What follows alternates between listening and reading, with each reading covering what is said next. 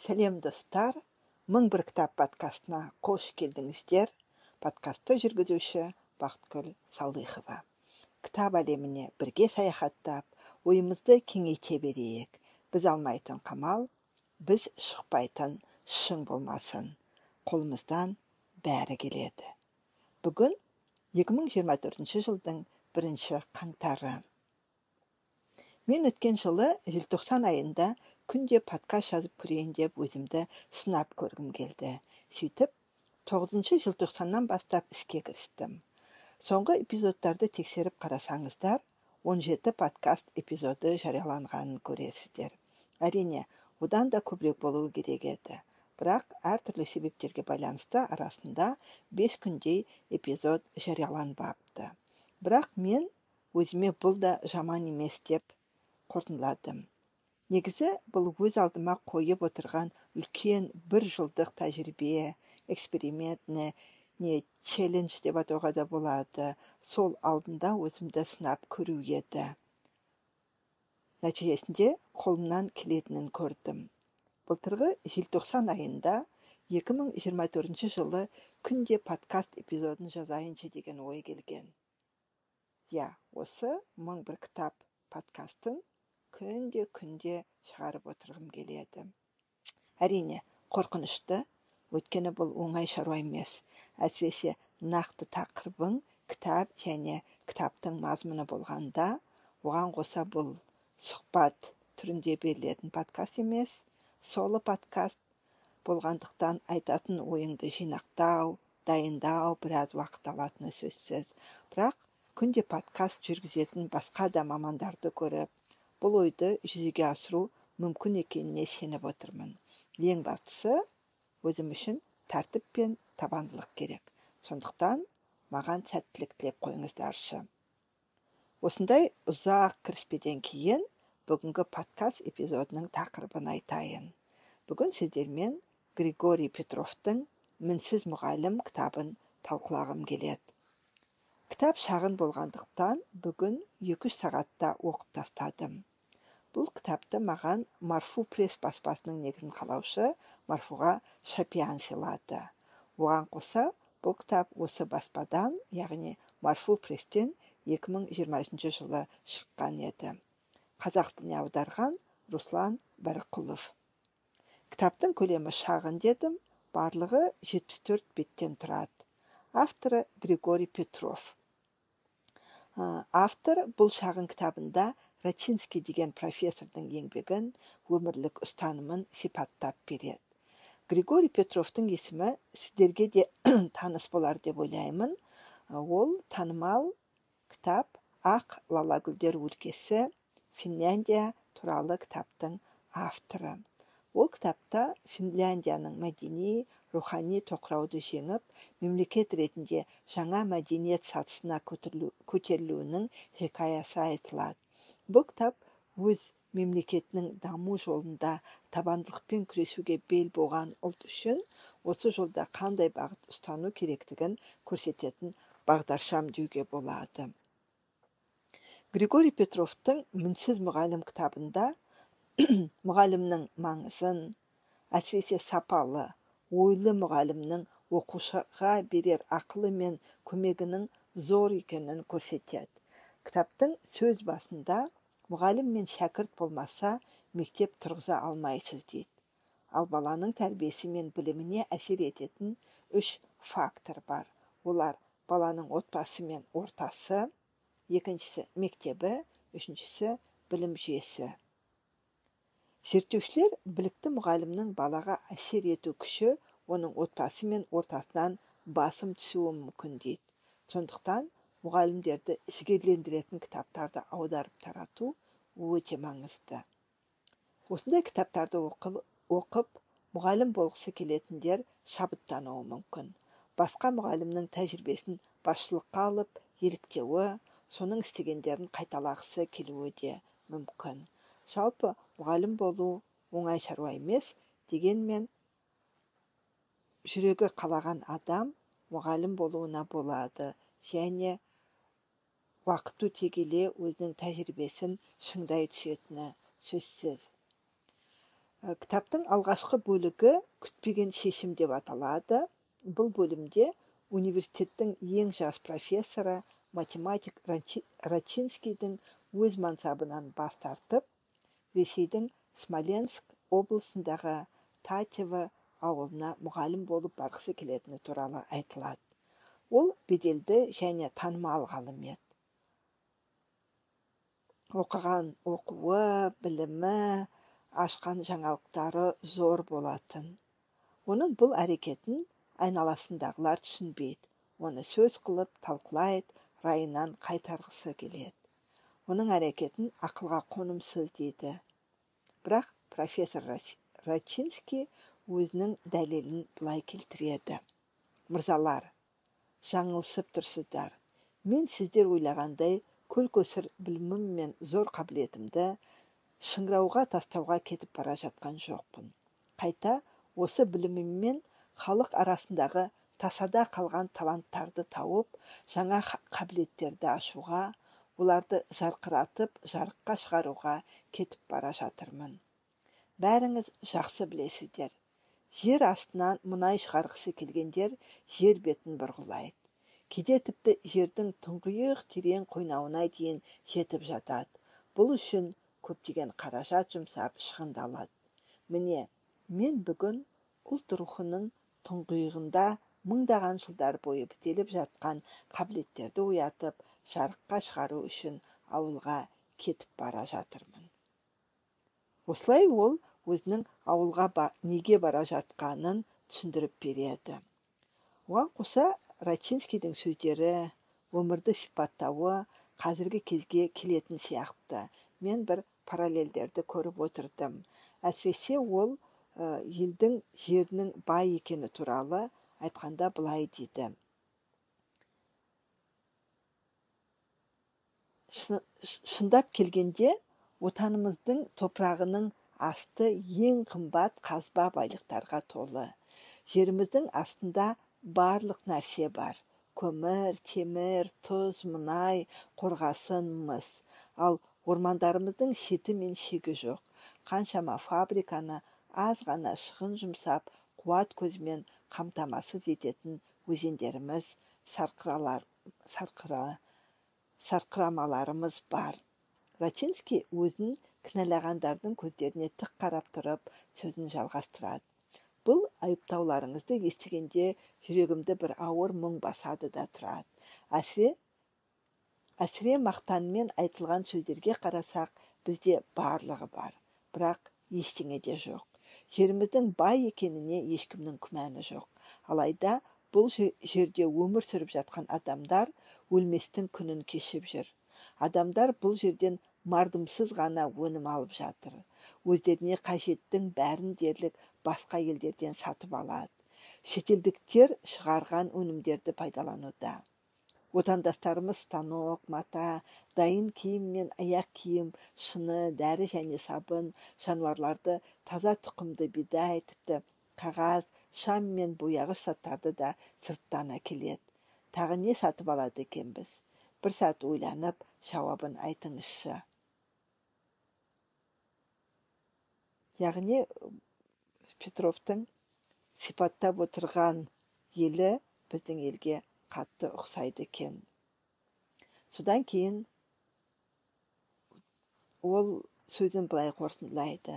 Тоқсан ауыз сөздің тобықтай түйінін айтқанда мыналарды біз өндіргенбіз деп айтатын түгіміз жоқ. Елімізге барлық нәрсе сырттан импортталуда. Импорттағанда да қалай? Удай бағаға кіріп келеді. Киім кешектердің бағасы қымбат болғандықтан ақшасын бірден төлемейміз шетелдік тауарды тек бөліп төлеумен ғана сатып ала аламыз. Соның салдарынан тауардың бағасы өседі ал біз, ал біз болсақ одан әрмен әсіре мақтанға салынып бос тірліктің соңына түсіп жүрміз.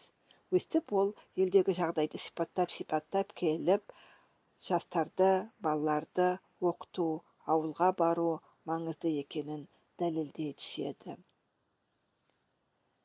Және ешкімнің сөзіне қайрылмай өз айтқанын жүзеге асырады. Ауылға барғанда ел іші де оны бірден жақсы қабылдай қоймайды. Өйткені мұндай адамның әрекеті жергілікті ауыл тұрғындарына да түсініксіз болады. Ұстаз ауылдың қасіреті арақ ішу туралы көп айтады.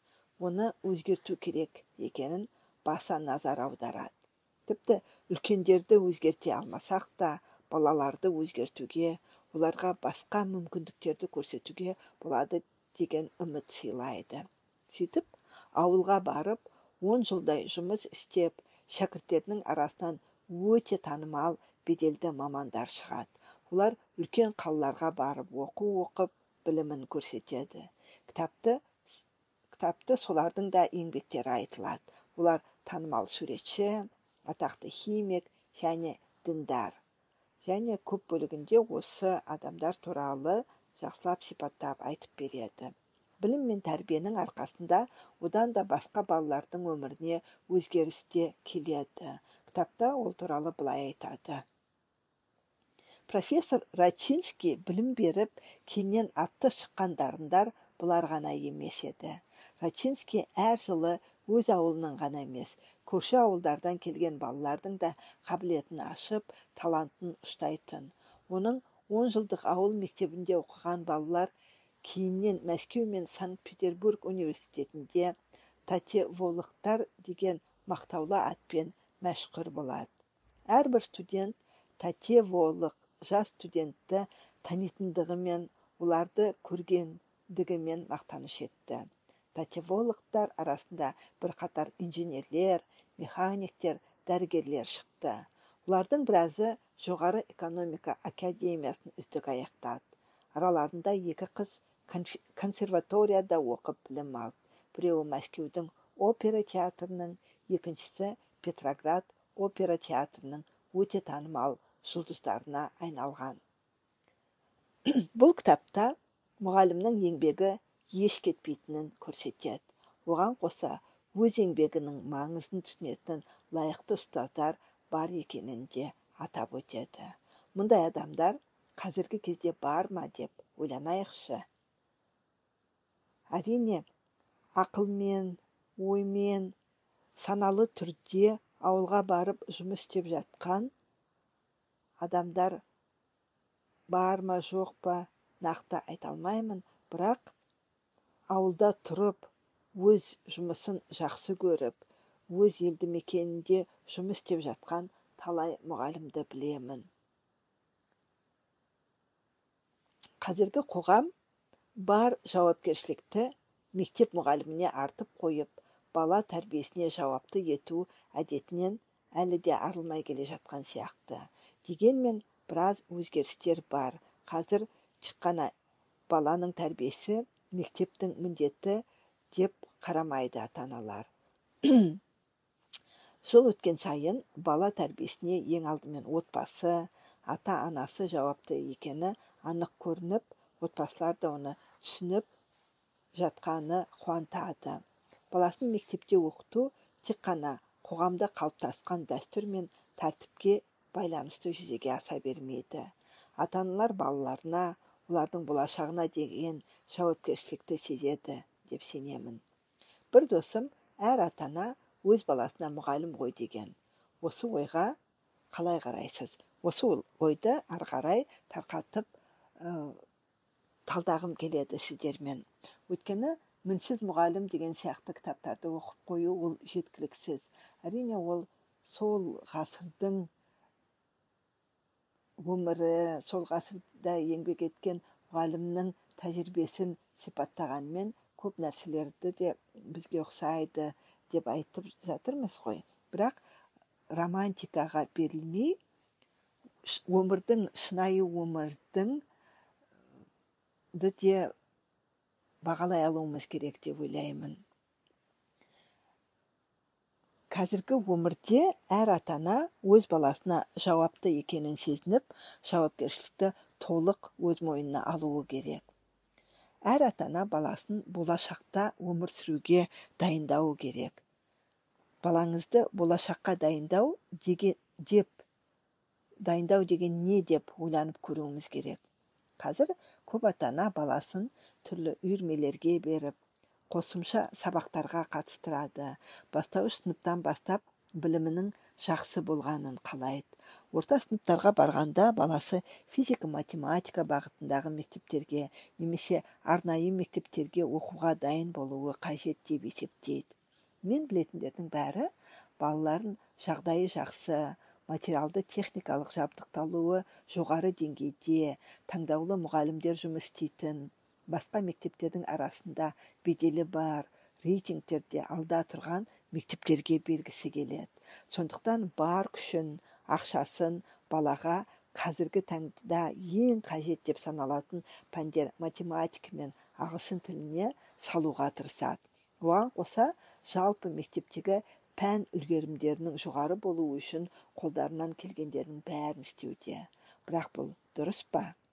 Баланың жеке уақыты ойыны дамуы қызығушылығы қайда қалып жатыр? Баланы болашаққа қалай дайындау керек деп ойланып көрсек әлде ойланып көрейікші? Немесе басқа жанымдағы адамдар отбасылар не істесе мен де соны істеуім керек деп жүрген адамдардың қатарындасыз ба? Баланың тамағы тоқ киімі бүтін басқалардан қалмай қыдыртамын ойнатамын қажетін алып беремін қосымша сабаққа үйірмеге барады. Басқа не керек? Дейтін де ата аналар бар. Қазіргі кезде тіпті жақын болашақта не күтіп тұрғанын нақты айтып бере алмайтын кезеңде өмір сүріп жатқан біздің өзіміз баламызға не оқыту керек? Қандай білім беру керек? Қай мамандыққа бағыттау керек? Қандай болашақ болжайтынымызды айта аламыз ба? Кәсіби деңгейі өте жоғары деген мұғалім де өз пәнінің болашағы не болатынын айта алмайды. Барлық бала математика білуі керек. Сол бағытта дамытайық дейді бірақ логикалық нәрсенің бәрін жасанды интеллект орындай алады ғой. Тілдерді білуше көркем жазу өткенге кетіп жатқанын күнде көріп отырмыз. Бірақ көркем жазу қолмен жаза білу өте маңызды деп ойлаймын. Өйткені баланың дағдылары жоғалмауы керек. Қазіргі кезде компьютерде тез басу өте маңызды. Даусыңызды жазып хабарламалар жіберу тіпті дыбыстық іздеу жүйелері көркем жазу мен ережелердің де маңыздылығын күннен күнге төмендетеді. Орфографияны жақсы білу қатесіз жазу да кейде маңызсыз болады. Өйткені компьютер оның бәрін түзеп сізге қате жазған сөздерді көрсетіп отырады.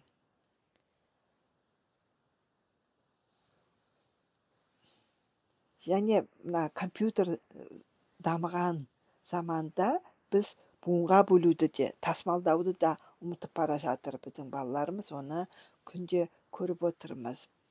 Естеріңізде болса кезінде хомский деген ғалым бар. Сол хомский кішкентай балаларға оқығаннан гөрі жазған оңайырақ деген сондықтан балалар алдымен жазуды үйрену керек және мектептерде де осы қағида басшылыққа алынады. Бірақ қолмен жазудан гөрі компьютерде тере алу маңызды болып жатқанда мектеп оны үйретпеуі қаншалықты дұрыс. Мен өзім мектепте оқығанда да компьютерде жазуды мектепте үйренген жоқ. Мен кейін өз бетімше оны үйренгем. Қазір де балаларға мектепте компьютерді басуды үйретеді деп айта алмаймын. Көбінесе тапсырма бергендіктен кейін балалар үйде басқа уақытта оны үйреніп алады. Әрине қазіргі мұғалім балаларымызды болашаққа дайындау үшін өзгеруі керек екенінде дау жоқ. Мұғалім он тоғызыншы ғасырдағыдай тіпті жиырмасыншы ғасырдағыдай бола алмайды. Мұғалімнің қойылатын талап міндет күннен күнге жоғарылап жатыр. Сондықтан мұғалімдер өздеріне арналған біліктілігін арттыру курстарына барады семинар тренингдер өтіреді тәжірибе алмасады түрлі шаралар өткізіледі соған қатысып жатады. Және олардың нәтижесі де бар. Мұғалімдер шын мәнінде өз дағдыларын дамытып тұлғалық даму мен өсу өзгеру өзгеріп жатыр. Кейде оның нәтижесін сезеді кейде сезбейтіндері де бар деп ойлаймын. Бірақ креативтілікті дамыту өте маңызды. Бірақ креативтілікті кітап арқылы оқып үйрену қиын тіпті мүмкін емес деуге болады. Өзгерістер тоқтаусыз болатындықтан креативті ойлауды тәжірибеде күнделікті дамытып отыру керек. Бір кездері суретші сияқты ұрла деген ұстанымды басшылыққа алып ешқандай күш салмай өзгенің ойын қолдана беру деген белес алды кейбір адамдардың арасында. Бірақ олай істесеңіз еш нәрсеге қол жеткізбесіңіз анық. Кейбір адамдар өзінің креативтілігін дамыту үшін стандартты емес шығармашылық тапсырмаларды орындататын түрлі үстел ойындарын ойнайды. Бизнеспен айналысатындарға бұл бағытта көк мұхит стратегиясы кітабының концепциясымен тірес яғни өнертапқыш тапсырмаларын шешу теориясы көмектеседі екен. Қазіргі кезде барлық креативті болғысы барлығы креативті болғысы келеді. Бірақ ол оңай шаруа емес. Сіздің ақылға қонбайтын идеяңыз болғаны жеткіліксіз. Оны шығармашылықпен жүзеге асыра алуыңыз керек. Мысалы өмірде төрт адамның зерттеуші суретші төреші және сарбаз рөлін сомдап көре аласыз ба? Сол арқылы жан жақты қырыңызды ашып ерекше идеяларды тудыруға қалай қарайсыз?